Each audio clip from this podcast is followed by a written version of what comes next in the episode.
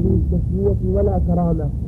ولئن سموا إثبات الصفات ترتيبا فنقول لهم العبرة بالمعاني لا للألفاظ. سموه ما شئتم ولا يترتب على التسمية بدون المعنى حكم. فلو فلو صلح على تسمية اللبن خمرا لم يحرم بهذه التسمية. السادس لأن الاعتبار بالحقائق والمعاني لا بالألفاظ. نعم. السادس التركيز والماهية ما سمى المشركين سموا توسلا وسموا تقربا وسموا تعظيما للأولياء والصالحين. هذا ليس بالحقيقة. وإذا تنقص للصالحين وليس بتعظيم الصالحين. وليس بالتوسل بل هو عبادة لهم. وتقرب إليهم وذل لهم. فتسميته للشرك بالله توسل وتقرب وتعظيم الصالحين. أو ما أشبه ذلك لا يخرجها عن كون الحجة بما أن تسمية التوحيد تنقص الصالحين تنقص الأنبياء. لا يجعله منكرا ولا يجعله خلاف الحق بل هو الحق وليس متنقصا وإنما هم الناقص هم المتنقص. فالتوحيد عظيم للصالحين وإنزال له في منازلهم والأنبياء وتعظيم الله عز وجل وإنزاله من ذلك سبحانه وتعالى هذا هذا الألفاظ والأسماء الجديدة التي يخترعها الناس. لا تغير عن لا تغير المعاني ولما قال الذين مروا على الفطرة التي عظموا المشركين يوم حنين ذات أنوار ثم له ذات أنوار ما أثر هذا هذا الاسم على حقيقة. فقلت جل يقول كما قالت بني اسرائيل موسى اجعلنا الها كما له. فلاحظ الحقيقة ولا يبالي بالاسماء والعبارات فجعل قوله اجعل ذات انوار مثل قول بني اسرائيل الها كما لهم الحاصل حاصل من الاعتبار الاحكام بالحقائق المعاني التي تعرف من الكلام لا بمجرد الالفاظ التي يخترعها الناس أو اسماء يجدونها مثل ما قال المؤلف لو قال باللبن سمه خمرا ما يحرم اللبن هو اللبن فلا فلا يتاثر بذلك واذا سموا الخمر سموها عصيرا أو سموها شرابا روحيا أو سموها شرابا طيبا أو ما أشبه ذلك في خمر ومحرمة فليسموها ما شاءوا نعم. الثالث الترتيب من الماهية ووجودها وهذا يفرضه الذهن أنه أنهما غيران. وأما في الخارج هل يمكن ذات مجردة عن وجودها ووجود ووجودها مجرد ووجودها مجردة عنها هذا محال. فترى أهل الكلام يقولون هل ذات الرب وجوده أم غير وجوده؟ ولهم في ذلك خط كثير. وأمثلهم طريقة. رأي الوقت والشك في ذلك. وكم يزول بالإستفسار والتفصيل. كثير من الأضاليل والأباطيل وسبب الإضلال الإعراض عن تدبر كلام الله وكلام رسوله والاشتغال بكلام اليونان والآراء المختلفة وإنما سمي هؤلاء أهل الكلام لأنهم لم يفيدوا علما لم يكن معروفا وإنما أتوا بزيادة كلام قد لا يفيد وهو ما يضربونه من القياس لإيضاح ما علم بالحس وإن كان هذا القياس وأمثاله ينتفع ينتفع به في موضع آخر ومع من ينكر الحس وكل من قال برأيه وذوقه وسياسته مع وجود النص أو عارض النص بالمعقول فقد ضاها إبليس حيث لم يسلم لأمر ربه بل قال أنا خير منه خلقتني من نار وخلقته من طين وقال تعالى من يطع الرسول فقد أطاع الله ومن تولى فما أرسلناك عليهم حفيظا. ولهذا كان النبي صلى الله عليه وسلم. إذا جاءه من الإسلام عرض عليه أمور الإسلام. ولا يمكن له شيئا من الأمور العقلية التي قد يحتاج إليها بعض الناس في جعل هؤلاء. فيأتي يسأله فيقول له قل أشهد أن لا إله إلا الله وأن محمدا رسول الله. وتقدم على أن تقيم الصلاة وتؤتي الزكاة وتصوم وتحج البيت. كما سأله جبريل وكما سأله جابر بن ثعلبة كما سأله غيرهما ويبين لهم ما جاء به الشرع وما أمر به الله من الأعمال والأقوال ولا يكن لهم ما يتعلق بالعقول وما تصور العقول من كلمات أو انقسامات أو شبهات. كل هذا قد أعرض عنه المصطفى عليه الصلاة والسلام وأعرض عنه أصحابه. لعدم الحاجة إليه الناس عندهم حكيم عندهم شهد يكفيهم هو بحاجة إلى أن يكون بكلام جديد وكلام ثم ما جاء في كتاب السنة تفهمه العقول الصحيحة تعقله هو واضح.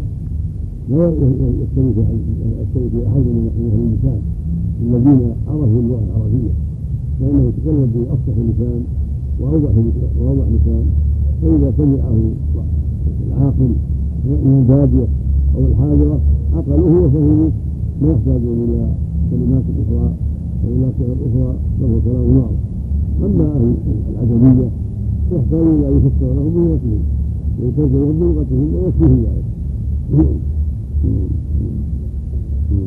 وقال تعالى قل إن كنتم تحبون الله فاتبعوني يحببكم الله ويغفر لكم ذنوبكم والله غفور رحيم. وقال تعالى فلا وربك لا يؤمنون حتى يحكموك فيما شجر بينهم ثم لا يجدوا في أنفسهم حرجا مما قضيت ويسلموا تسليما. أقسم سبحانه بنفسه أنهم لا يؤمنون حتى يحكموا نبيه ويرضوا بحكمه ويسلموا تسليما. قوله سيتذبذب بين الكفر والإيمان. لا لا نقول التعنت في الكلام ما خلف السنة الطائع نعم التعنت في الكلام ما يدخل في إذا أريد به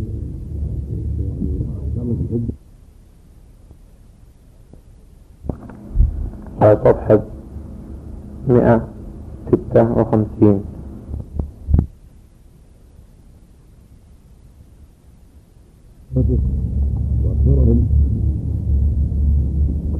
بأنه يوسف وأعطاني من يأتوا بأهله أجمعين فلما دخلوا عليه خروا سجدا على طريقة الإمام الماضية في التحية السجود قال لهم هذا سمعوا من قبل. قد جعل ربي حقا. فالإحدى عشر كوكب إخوته وكيف قضاء سبعة كوكب هذا أبوه وأمه هذا تأويل هذه الرؤيا وجودها وهو حدوثها حين حاضروا عنده وكانوا الأمم الماضية يحيون العمر بالسجود ومن هذا سبب الملائكة لآدم حية وتقديرا وتعظيما وتكريما. ثم نهى الله عن ذلك في شريعة محمد عليه الصلاة والسلام. وصار السجود أن يكون مختصا بالله عز وجل. ونهى سبحانه أن يفعل مع غيره اسجدوا لله واعبدوا نعم. وقوله ويعلمك من تأويل الأحاديث. وقوله وذلك خير وأحسن تأويلا. وقوله سأنبئك بتأويل ما لم تستطع عليه صبرا. إلى قوله ذلك تأويل ما لم تستطع ما لم تستطع عليه صبرا. فمن ينكر وقوع مثل هذا التأويل والعلم بما تعلق بالأمر والنهي منه وأما ما كان خبرا ومنه تأويل الرؤيا وتأويل العمل. كقوله هذا تأويل رؤياي من قبل وقوله ويعلمك من تأويل الأحاديث. وقوله ذلك خير وأحسن تأويلا. وقوله سأنبئك, سأنبئك بتأويل ما لم تستطع عليه صبرا. إلى قوله ذلك تأويل ما لم تستطع عليه صبرا. فمن ينكر وقوع مثل هذا التأويل والعلم بما تعلق بالأمر والنهي منه وأما ما كان خبرا فمن ينكر وقوع مثل هذا التأويل والعلم بما تعلق بالأمر والنهي منه. عند مسلم يعني اما استفهام انكار ومن ينكر لا أحد ينكر هذا القول واضح. نعم لا الاستفهام انكار نعم وأما ما كان خبرا كالاخبار عن الله واليوم الآخر فهذا قد لا يعلم تأويله الذي هو حقيقته. إن كانت لا تعلم بمجرد الإخبار فإن المخبر إن لم يكن قد تصور المخبر به أو ما يعرفه قبل ذلك لم يعرف حقيقته التي هي تأويله بمجرد الإخبار. وهذا هو التأويل الذي لا يعلمه إلا الله. لكن لا يلزم من نفي العلم بالتأويل نفي العلم بالمعنى الذي قصد المخاطب إفهام المخاطب إياه. يعني يعني جنس المخاطب جنس الأشياء التي أراد المخاطب لسان المخاطبين هذا معلوم من حيث اللغة العربية هذا معلوم مشترك بين الأمم. لكن حقائق ذلك الشيء مخبر عنه إنما تتضح وتكمل ويكون المخاطب بها تاما بعد وجودها. فإخباره عن الجنة والنار وما فيهما وعن السحر موجود حقيقة. أمر معلوم. من حيث المعنى. يعطى كتابا بيمينه أو شماله الجنه فيها النعيم فيها الفواكه والأنهار والحور النار فيها العذاب والأغلال وغير ذلك. هذا أمر معلوم. لكن تأويله الكامل والعلم به على التمام إنما يكون يوم القيامه إذا دخل أهل الجنة الجنه وأهل النار النار وباشروها. وجدوا النار وما فيها من الشر حق اليقين. ووجد من الجنة وما فيها من النعيم حق اليقين. هذا تأويلها ونهاية ما يتعلق بذلك هي شهد المؤمنون ما وعدهم الله وباشروه. وشهد أعداء الله ما وعدهم الله وباشروه.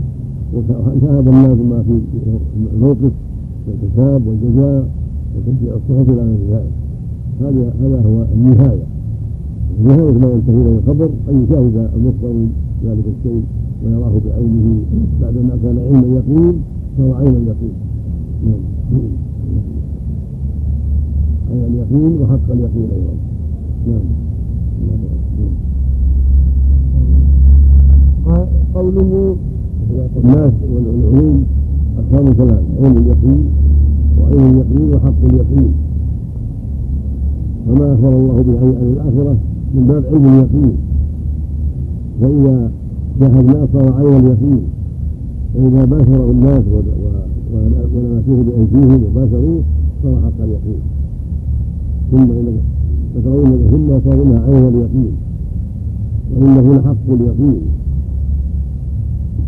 ومثال ذلك في الدنيا إذا قال قائل إذا قال ثقة لك قد قبل زوجا من من نفسه من وطن الرياض مثلا. أو جعل ينادي وادي حريفة فيها مثلا. هذا من باب علم اليقين. إذا كان الشهود ثقات ومخبرين إذا كان مخبرون ثقات صار علم اليقين. فإذا أنت إصابة زيدا ورأيته بعينك أو أتيت الوادي وشاهدت الشيء هذا عين اليقين. فإذا أخذت بيد زيد وصافحته أو أو خذت الوادي أو شربت منه أو لمسته حق اليقين هكذا علم الله بالآخرة من باب علم اليقين. وإذا وقف الناس يوم القيامة وشاهدوا الناس وشاهدوا ما يكون يوم القيامة عين اليقين. وإذا دخلوا الجنة ودخلوا أهل النار النار صار علمهم بها عين اليقين حق اليقين. نسأل الله السلامة. نعم.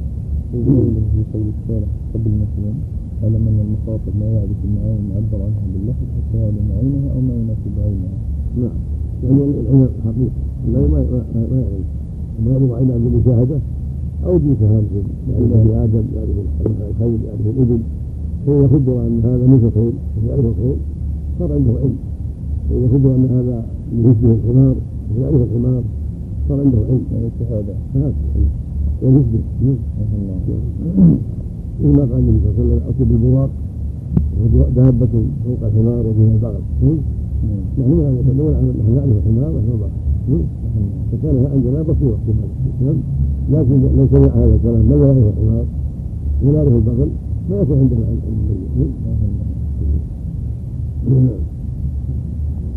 فما في القرآن آية إلا وقد أمر الله بتدبرها وما أنزل آية إلا وهو يحب أن يعلم ما عني بها. وإن كان من تأويله ما لا يعلمه إلا الله فهذا معنى التأويل بالكتاب والسنة وكلام السلف. وسواء كان هذا التأويل موافقا للظاهر أو مخالفا له. والتأويل في كلام كثير من المفسرين كابن جرير ونحوه يريدون به تفسير الكلام وبيان معناه. سواء وافق ظاهره أو خالف. وهذا اصطلاح معروف وهذا التأويل كالتفسير يحمد حقه ويرد باطله وقوله تعالى وما يعلم تأويله إلا الله والراسخون في العلم. ففيهما قراءتان. فيها قراءتان. قراءة من يقف على قوله إلا الله وقراءة من لا يقف عندها وكلا القراءتين حق. وكلتا القراءتين حق. ويراد بالأولى بالأولى المتشابه في نفسه الذي استأثر الله بعلم تأويله. ويراد بالثانية المتشابه الإضافي الذي يعرف الراسخون تفسيره وهو تأويله. ولا ولا يريد من وقف على قوله إلا الله أن يكون التأويل بمعنى التفسير للمعنى فإن لازم هذا أن يكون الله أنزل على رسوله كلاما لا يعلم معناه, معناه لا يعلم معناه جميع الأمة ولا الرسول. ويكون الراسخون في العلم لا حظ لهم في معرفة معناها سوى قولهم آمنا به كل من عند ربنا. وهذا القدر يقوله غير الراسخ في العلم من المؤمنين. والراسخون في العلم يجب امتيازهم عن عوام المؤمنين في ذلك. وقد قال ابن عباس رضي الله عنهما أنا من الراسخين في العلم الذين يعلمون تأويله.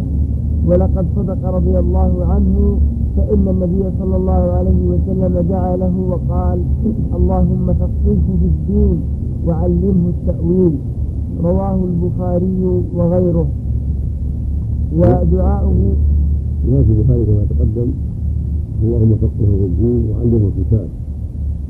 لكن جاء في روايات غير البخاري البخاري هذا كما ذكر الحافظ حجر وذكر عن حميد في جمعة أنه ذكر في الجمع الجماعة يقول اللهم فقه الدين وعلمه التأويل كما ذكر الشاعر ولكن الصواب انها محارم الصالحين حينما يقول اللهم فقه الدين اللهم فقهه اللهم علمه الكتاب. فصار المسلمين اللهم فقهه في الدين وعلمه الكتاب. ومعنى علمه الكتاب؟ علمه التأويل ثم أنا واضح نعم. والحاصل أن قوله جل وعلا أو يعني تأويله إلى الله من وقف على جلاله أراد بالمعنى يعني المتبع الذي لا يعلمه سواه سبحانه وتعالى. وحقائق الأمور حقائق ما في الجنة حقائق ما في النار في ذلك حقائق أسماءه وصفاته لا يعلمها سواه سبحانه وتعالى ومن وقف على الراسخ في العلم وراسخ في العلم فالمعنى التفسير تفسير الكلام وإيضاح معناه وبين الأحكام التي بينها لعباده وأمر بها ونهاهم عنها قد يعلمها الله الراسخ في العلم. نعم. الصحيح رواه أحمد والطبراني في المعجم الكبير والبيهقي في دلائل النبوة والضياء المقدسي في المختارة بسند صحيح عن ابن عباس. وأما عزم المصنف إياه للبخاري فوهم وإنما عنده بلفظ اللهم علمه الحكمة.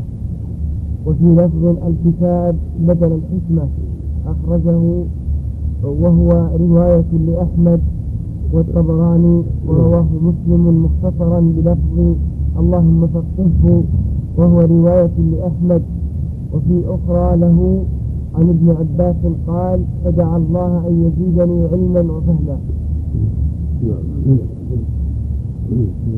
يقصده من كتابه يصل على بعض الناس دون بعض بالإضافة إلى عالم بإضافته إلى عالم الكتاب النسبة إلى بعض دون بعض وإدغاؤه صلى الله عليه وسلم لا يرد. قال مجاهد عرضت المصحف على ابن عباس من أوله إلى آخره. أقفه عند كل آية وأسأله عنها. وقد تواترت النقول عنه أنه تكلم في جميع معاني القرآن ولم يقل عن آية أنها من المتشابه الذي لا يعلم أحد تأويله إلا الله. وقول الأصحاب رحمهم الله في الأصول المتشابه الحروف المقطعة في أوائل السور ويروى هذا عن ابن عباس مع أن هذه الحروف قد تكلم في معناها أكثر الناس فإن كان معناها معروفا فقد عرف معنى المتشابه وإن لم يكن معروفا وهي المتشابه كان ما سواها معلوم المعنى وهذا المطلوب. وأيضا فإن الله قال منه آيات محكمات هن أم الكتاب وأخر متشابهات. وهذه الحروف ليست آيات عند جمهور العابدين والتأويل في كلام المتأخرين من الفقهاء والمتكلمين هو صرف اللفظ عن الاحتمال الراجح إلى الاحتمال المرجوح بدلالة توجب ذلك. وهذا التأويل وهذا هو التأويل الذي تنازع الناس فيه في كثير من الأمور الخبرية والطلبية والتأويل الصحيح منه الذي يوافق ما دلت عليه نصوص الكتاب والسنة وما خالف ذلك فهو التأويل الفاسد وهذا مبسوط في موضعه. وذكر في التبصرة أن في التبصرة أن نصير أن نصير بن يحيى البلخي روى عن عمرو بن إسماعيل بن حماد بن أبي يحيى.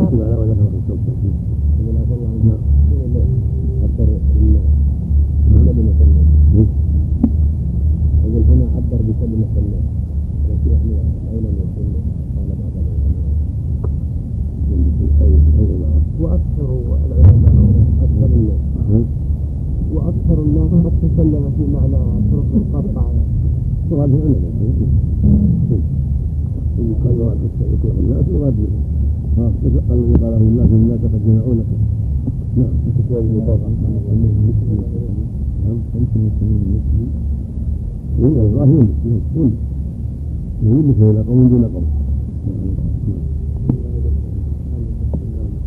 نعم. أيوه سمعه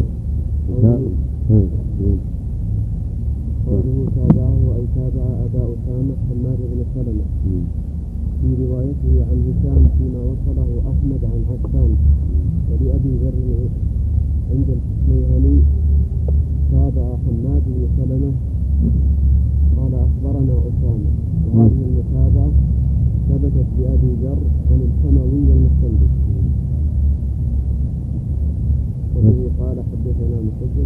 أنا نبه عليها ما ما الإسلام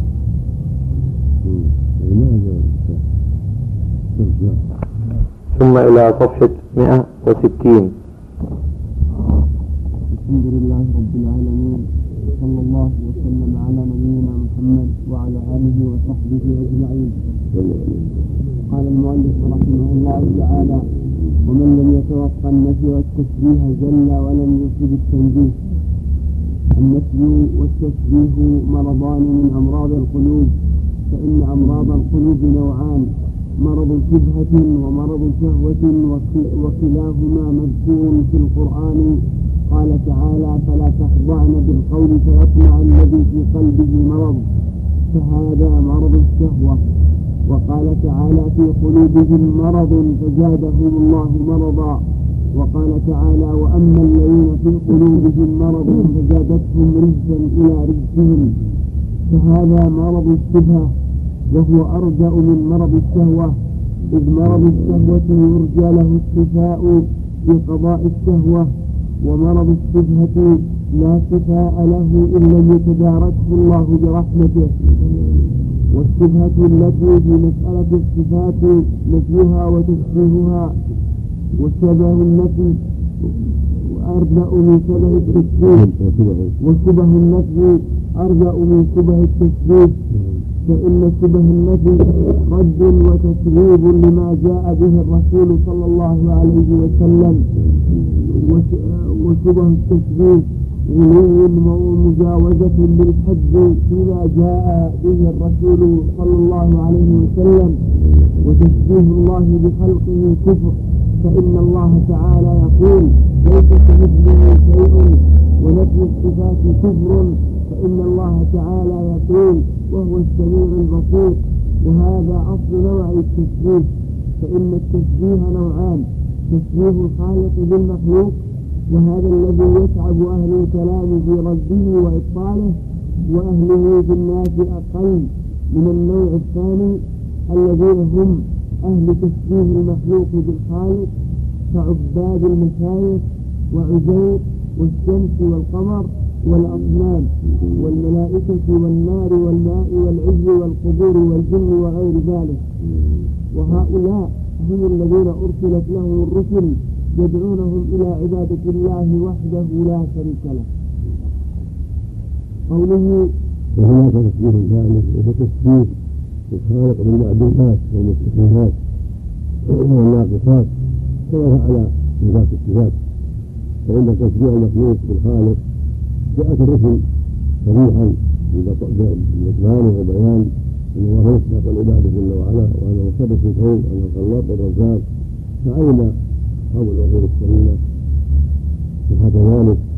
وكذلك تشبيه الخالق بالمخلوق أمر واضح البطلان يثبت به كما يقول لكن بقي تشبيه ثالث وهو تشبيه الخالق بالمعدومات والناقصات والمستحيلات لأنه إذا قال ليس بكذا ولا كذا ولا كذا أنتهى الأمر. إذا تشبهه بالمعدومات أو بالجمادات والناقصات. لا يخلو من هذا أو هذا. إما بالجماد لا يتكلم ولا يسمع ولا يبصر وإما بالعدم من يصل داخل العالم ولا ثروة ولا ولا ولا ولا حتى يكون عدما وهذا هو وقعت فيه الجهمية والمعتزلة وأشباههم ولا فيه النفي والتعطيل حتى نزل من نفيهم وتعطيلهم عدم وجود الله وان كان وجوده سبحانه وتعالى. وهذا غاية التعظيم غاية الفساد غاية الكفر بالله. وذلك إنكار وجود الخالق ووصف اثبات المستحيلات والمعدومات. نسال الله العافيه ولم يسلم من هذه الشرور تشبيه المخلوق بالخالق تشبيه الخالق المخلوق تشبيه الخالق بالمعدومات والجمادات وليس من هذا كله إلا أهل ألسنة والجماعه فإنه نزه الله عن مجابهة حقه تنزيها بريئا من التعطيل وأثبتوا له الصفات والكمالات اثباتا بريئا من التنفيذ هكذا أهل الحق. وهكذا جاءت الرسل. جاءت الرسل عليه الصلاة والسلام بإثبات الصفات. واسماء لله سبحانه وتعالى واثبات كمالات لله. على وجه يليق به وجاءت الرسل بتنزيهه عن مجابهه حقه والبيان عظم حقه وانه سبحانه وتعالى شبيه له ولا له ولا ند له وانه يستحق العبادة. لا يستحقها سوى جل وعلا فابطلت ما, تعلق بعباد الاصنام عباد المشايخ عباد النجوم والكواكب وغير ذلك فالإفراد هو إفراد الله بالعبادة والإيمان بأنه مستحق العبادة وأنه لا شبيه له ولا كفر ولا ند له وأنه سبحانه يصيب بصفات الكمال ينزه عن اصوات النقص والعيب هذا هو مذهب الرسل وطريقهم وصراطهم المستقيم الذي شرع عليه السنة والجماعة وثبتوا عليه ودعوا إليه وحجوا مثل ذلك نعم.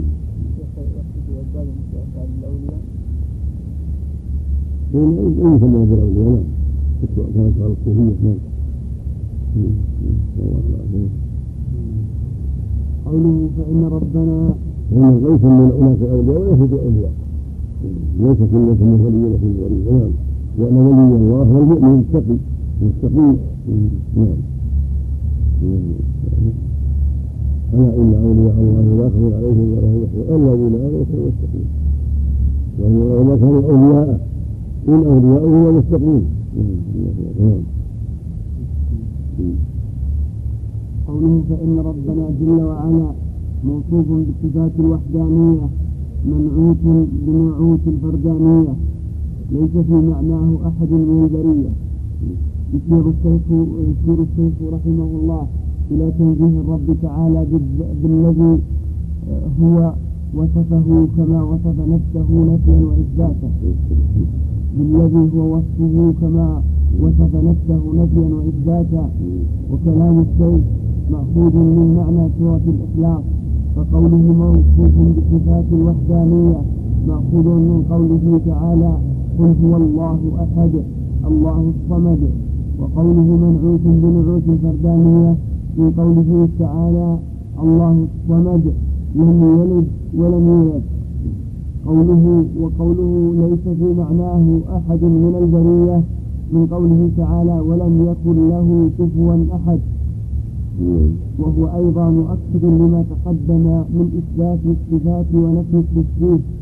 والوصف والنعت مترادفان وقيل متقاربان. فالوصف للذات والنعت للفعل وكذلك الوحدانية والفردانية. فهو تعالى و وكذلك الوحدانية وقيل في الفرق بينهما إن الوحدانية للذات والفردانية للصفات. فهو تعالى موحد في ذاته منفرد فالنعوت والأوصاف بمعنى واحد فأتاه بكذا وصفه بكذا واحد فرد بمعنى واحد واحد سبحانه في ذاته واحد في صفاته واحد في أفعاله وفرد في ذاته جل وعلا وهو سبحانه وتعالى موصوف بالفردانية بالوحدانية بالإلهية حقه يثبتها فيها شريك ولهذا قال عز وجل إله الله واحد لا إله إلا هو الرحمن الرحيم. إنما إله الله الذي لا إله إلا هو وسع كل شيء سبحانه وتعالى. نعم.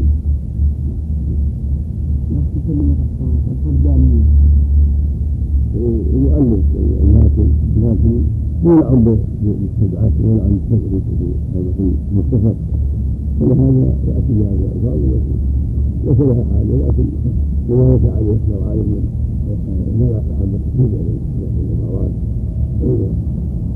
فرد مثلا مثل الفرد لا يشتغل واحد هو فرد الفرد الذي يكون معه ثاني والواحد يكون معه شريك يفهم العرب مع الواحد كذا فرد بكذا يتنال يعني العرف عنده صواب بمعنى واحد فأتاه بكذا وصفه بكذا واحد فرد بمعنى واحد واحد سبحانه في ذاته واحد في صفاته واحد في افعاله وفرد في ذاته جل وعلا وهو سبحانه وتعالى موصوف بالفردانيه بالوحدانيه بالالهيه حقه يثبتها فيها دليل ولهذا قال عز وجل اله إله واحد لا إله إلا هو الرحمن الرحيم. إنما اله الله الذي لا إله إلا هو وسع كل شيء سبحانه وتعالى. نعم. الفردانية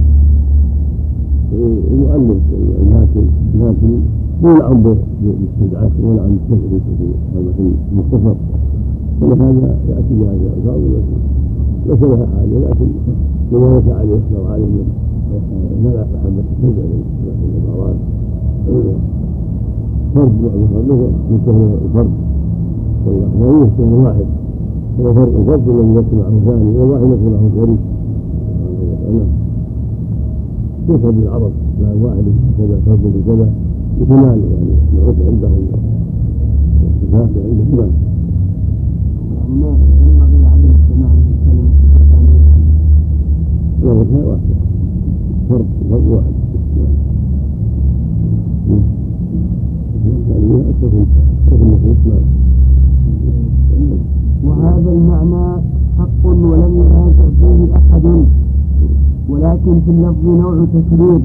وللشيخ نظير هذا التكرير بمواضع من العقيدة وهو بالخطب والأدعية أشبه منه بالعقائد والتشجيع والتشجيع بالخطب أليق. لا شك لكن مهمة مهمة يعني هو على طريقة العقائد العقائد يعتني بالكلمات الجامعة لا يحتاج إلى الشجاعات أما المؤلف في كتاب هذا فهو يلعب بالشجاعات يأتي بالألفاظ التي ليس لها كذا أهمية. يعني جاء الكلام بدون كذا أهمية. نعم. وليس كمثله شيء أكمل في التنزيه من قوله ليس في معناه أحد من من البرية. قوله وتعالى عن الحدود والغايات والأركان والأعضاء والأدوات لا تحويه الجهات الست كسائر المبتدعات.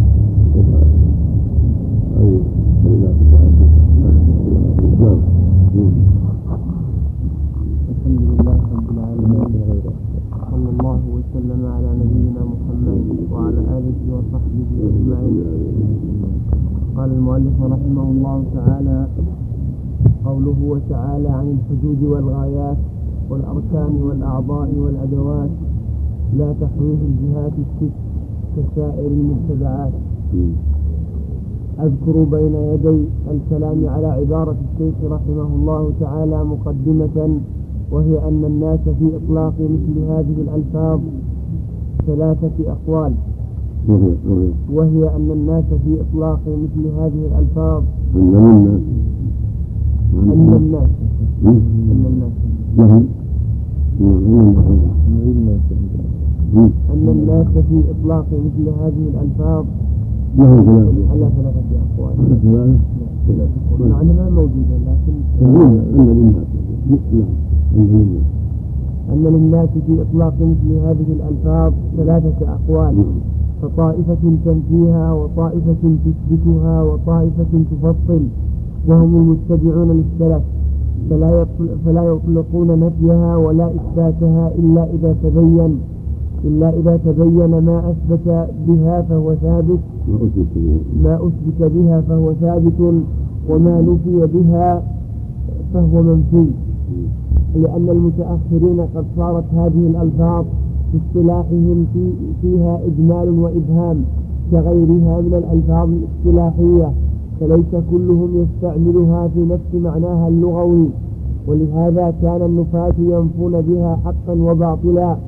ويذكرون عن مثبتها ما لا يقولون به وبعض المثبتين لها يدخل لها معنى باطلا مخالفا لقول السلف ولما دل عليه الكتاب والميزان ولم يرد نص من الكتاب ولا من السنة بنفيها ولا إثباتها وليس لنا أن نصف الله تعالى بما لم يصف به نفسه ولا وصفه به رسوله نفيا ولا إثباتا.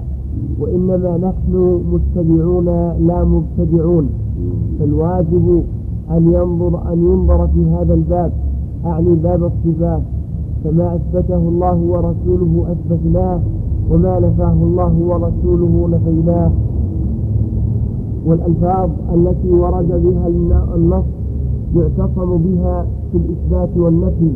فنثبت ما أثبته الله ورسوله من الألفاظ والمعاني وننفي ما نفته نصوصهما من الألفاظ والمعاني.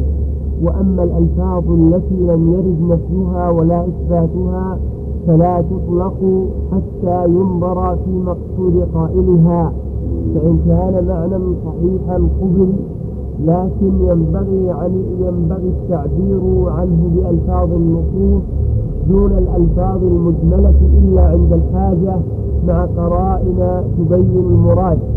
والحاجة مثل أن يكون الخطاب مع من لا مع من لا يتم المقصود معه إن لم يخاطب بها ونحو ذلك. والشيخ رحمه الله أراد الرد بهذا الكلام على المشبهة كداوود الجواربي نعم نعم. وأمثاله القائلين إن الله جسم وأنه جثة وأعضاء وغير ذلك. تعالى الله عما يقولون علوا كبيرا. فالمعنى الذي أراده الشيخ رحمه الله من النفي الذي ذكره هنا حق لكن حدث بعده من أدخل في عموم نفيه حقا وباطلا فيحتاج إلى بيان ذلك. وهو أن السلف متفقون على أن البشر لا يعلمون لله حدا وأنهم لا يحجون شيئا من صفاته.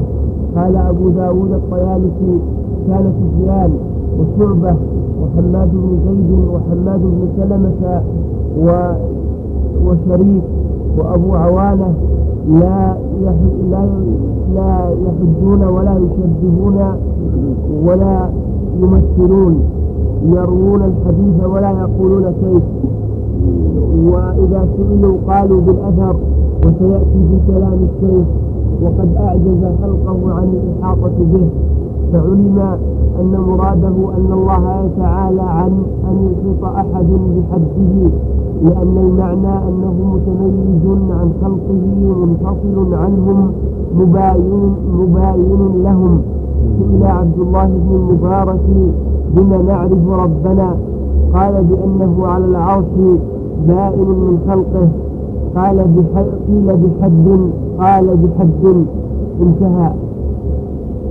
ومن المعلوم أن الحد يقال على ما ينفصل به الشيء ويتميز به عن غيره.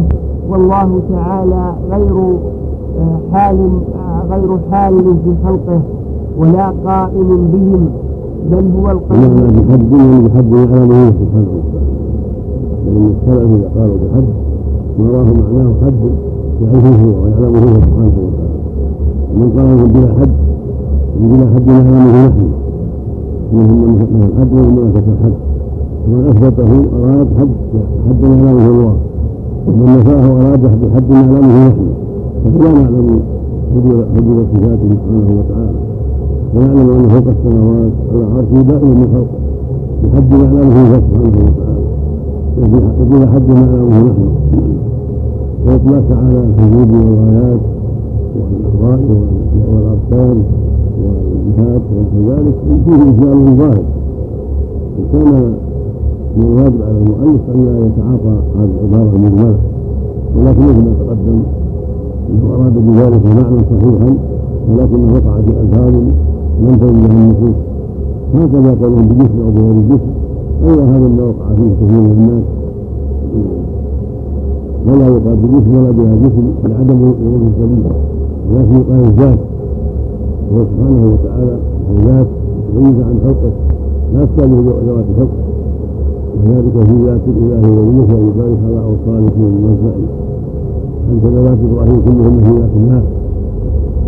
الذات جاءت لها النصوص وهي ذات منزهة ومشابهة الذوات ذات مستقلة قائمة بنفسها لها صفاتها ولها كمالاتها حتى كان ذلك من أعظم المهمات التي يتميز بها الخالق عن المخلوق. وهو أنه سبحانه وتعالى موصوف بصفات الكمال منزه عن صفات النقص والعين فله ذات كاملة ليس بها نقص وعين بل لها الكمال المطلق من كل وجه. وأما إذا أطلق الحد جهه فيها التفصيل وهذا الاركان والأعضاء والأدوات كل هذه فيها الفاظ فيها معاني مجملة. يقول الاركان أو الأعضاء ان المراد أن تعالى عن القدم وعن اليد وعن الوجه هذا باطل. ويقول تعالى عن الأعضاء وعن الاركان تشابه المخلوقين وتناسب المخلوقين هذا حق. هو يتقدس عن صفات تشابه المخلوق وليس له اركان ولا أعضاء ولا ذوات تشابه صفات المخلوقين ولكن نعم له صفات لا تشابه صفات المخلوقين اليد قدم والإصبع والوجه نحو ذلك. ولا يجوز أن تنفع لأن لأن المرجعة سموها أركانا أو سموها ذوات أو سموها أعوانا لا تنفع بهذا. الألفاظ يأتون بها يتوسل بها ويتصلوا بها إلى رد ما جاءت به النصوص ويعطى بعض. والواجب الحذر من أعداء الله أن يشبهوا ويلبسوا من هيئة أهل البدع. يكون بألفاظ مخترعة من عند انفسهم فيزيد ويزيد بها الحق. أهل السنة والجماعة لا يقبل منهم هذه الأشياء. بل يقولون فسر لنا مراده وإن كان قد فسر حقا أو أردت حقا ولكن ألفاظك مبتدع مجملا. فلا ينبغي ان تفهم وان فسر باطلا قالوا له الفاظك باطله ومعناك باطل. وهكذا من من نفى. ومن أثبت. بين لنا ما أثبت. هذا بين حقا. قالوا قولك معناك حق ولكن لفظك مثل المشروع المنتبع وإن بين باطلا قيل له لفظك منتبع ولفظك ومعناك باطل. هكذا يقال في هذه الالفاظ التي قالها الشيخ تعالى عن الحدود والغايات والاركان والأعضاء والادوات والجهات كل هذه الفاظ مجمع لياتي كما يستفسرون نعم. الله. الفقه من نقله رواية عن السلف قال لا يحدون وقول ظاهر بغير حد قال نعم. لا يحدون حدا يعلمه نحن والحد الذي حدا يعلمه العباد نعم. والحد الذي يعلمه الله. ما هو؟ يتفاوض عن المخلوقين وعن صفاته كمال ما كمال منتفع الحدود كمال صفاته زائد على المخلوقين في كمالات لا يعلمه الله سبحانه وتعالى. هذا المعنى فاستواءه كاستوائه ولا يدري تأديه ولا يدري وجوهه وأصابعه ولا يأكل كذواته ولا يعلمه كعلمه ما في الحد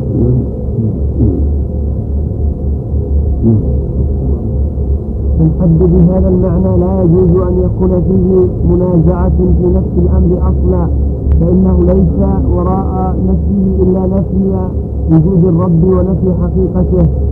وأما الحد بمعنى العلم والقول وهو أن يحده العباد فهذا منتف بلا منازعة بين أهل السنة. قال أبو القاسم القشيري في رسالته سمعت الشيخ أبا عبد الرحمن السلمي سمعت أبا منصور بن عبد الله سمعت أبا الحسن العنبري سمعت سهل بن عبد الله التستري يقول التستري. يقول وقد سئلت عن ذات الله فقال ذات الله موصوفة بالعلم غير مدركة بالإحاطة. ولا مرئية بالإبصار في دار الدنيا ولا مرئية بالأبصار في دار الدنيا وهي موجودة بحقائق الإيمان من غير حد ولا إحاطة ولا حلول. وتراه العيون في العقبى ظاهرا في ملكه وقدرته. وقد حجب الخلق عن ودلهم عليه بآياته فالقلوب تعرفه والعيون لا تدركه.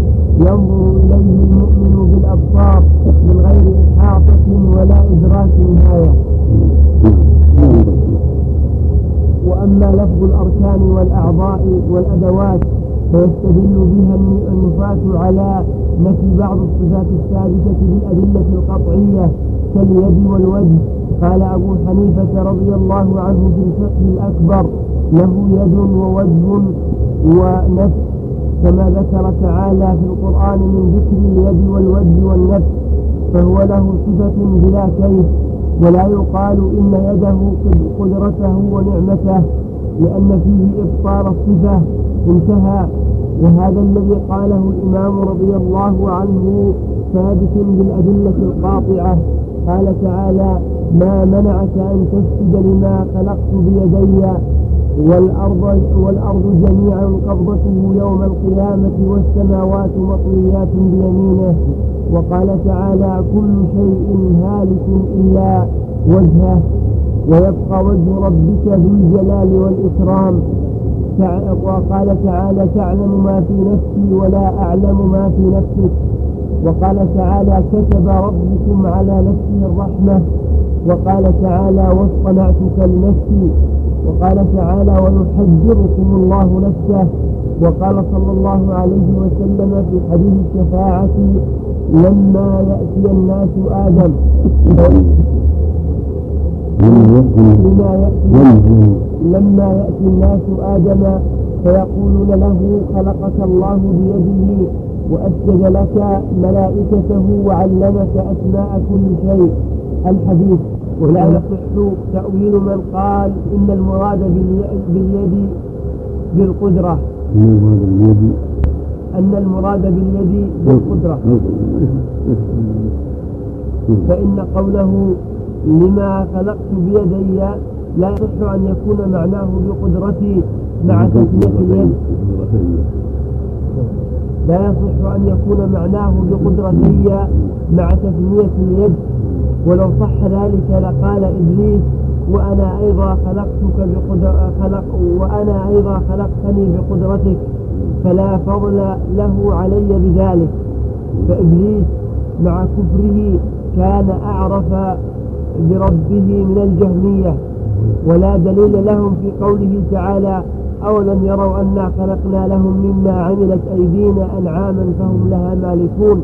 لأنه تعالى جمع الأيدي لما أضافها إلى ضمير الجمع ليتناسب الجمعان فاللفظان للدلالة على الملك والعظمة ولم يقل أيدي مضافا إلى ضمير المفرد ولا يدي ولا ولم يقل أيدية ولم يقل أيدية أيدية اللي موجودة الله يدينا؟ يدينا. ولم يقل ولم ولم يقل أيدية نعم مضافا إلى ضمير المفرد. أيدينا نعم. ولا يدي ولا يدينا بتثنية اليد مضافا إلى ضمير الجمع. فلم يكن قوله مما عملت أيدينا نظير قوله لما خلقت بيدي. وقال النبي صلى الله عليه وسلم عن ربه عز وجل حجابه النور حجابه النور. ولو كشف ولو كشفه لأحرقت سبحات وجهه ما انتهى إليه بصره من خلقه. ولكن لا يقال لهذه الصفات أنها أعضاء أو جوارح أو أدوات أو أركان لأن الركن جزء الماهية والله تعالى هو الأحد الصمد لا يتجزأ سبحانه وتعالى والأعضاء فيها معنى التفريق والتعضية. تعالى الله عن ذلك. عنها قال. التعضية التقطيع وجعل الشيء أعضاء. تعالى الله عن ذلك ومن هذا المعنى قوله تعالى الذين جعلوا القرآن عظيم والجوارح فيها معنى الاكتساب والانتفاع وكذلك الأدوات. هي الآلات التي ينتفع بها في جلب المنفعة ودفع المضرة وكل هذه المعاني منتفية عن الله تعالى ولهذا لم يرد ذكرها في صفات الله تعالى. فالألفاظ الشرعية صحيحة المعاني سالمة من الاحتمالات الفاسدة فكذلك يجب أن لا يعزل عن الألفاظ الشرعية نفيا ولا إثباتا لئلا يثبت معنى فاسد. أو أو ينفى معنى صحيح وكل هذا. لئلا يثبت يثبت معنى فاسد أو ينفى معنى صحيح. وكل هذه الألفاظ المجملة عرضة للمحق والمبطل. وأما لفظ الجهة فقد يراد به ما هو موجود وقد يراد به ما هو معدوم. ومن المعلوم أنه لا موجود إلا الخالق والمخلوق. فإذا أريد بالجهة أمر موجود غير الله تعالى كان مخلوقا. والله تعالى لا يحصره شيء ولا يحيط ولا يحيط به شيء من المخلوقات. تعالى الله عن ذلك. وإن أريد بالجهة أمر عدمي وهو ما فوق العالم فليس هناك إلا الله وحده. فإن قيل إن إنه في جهة بهذا الاعتبار ما نعم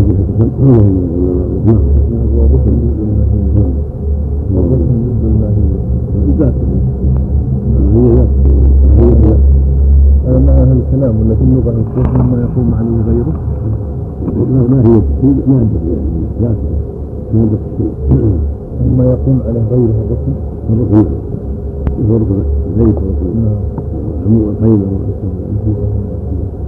وركن الأجمال وهي فيها إجمالات توصل بها المسجد إلى أموال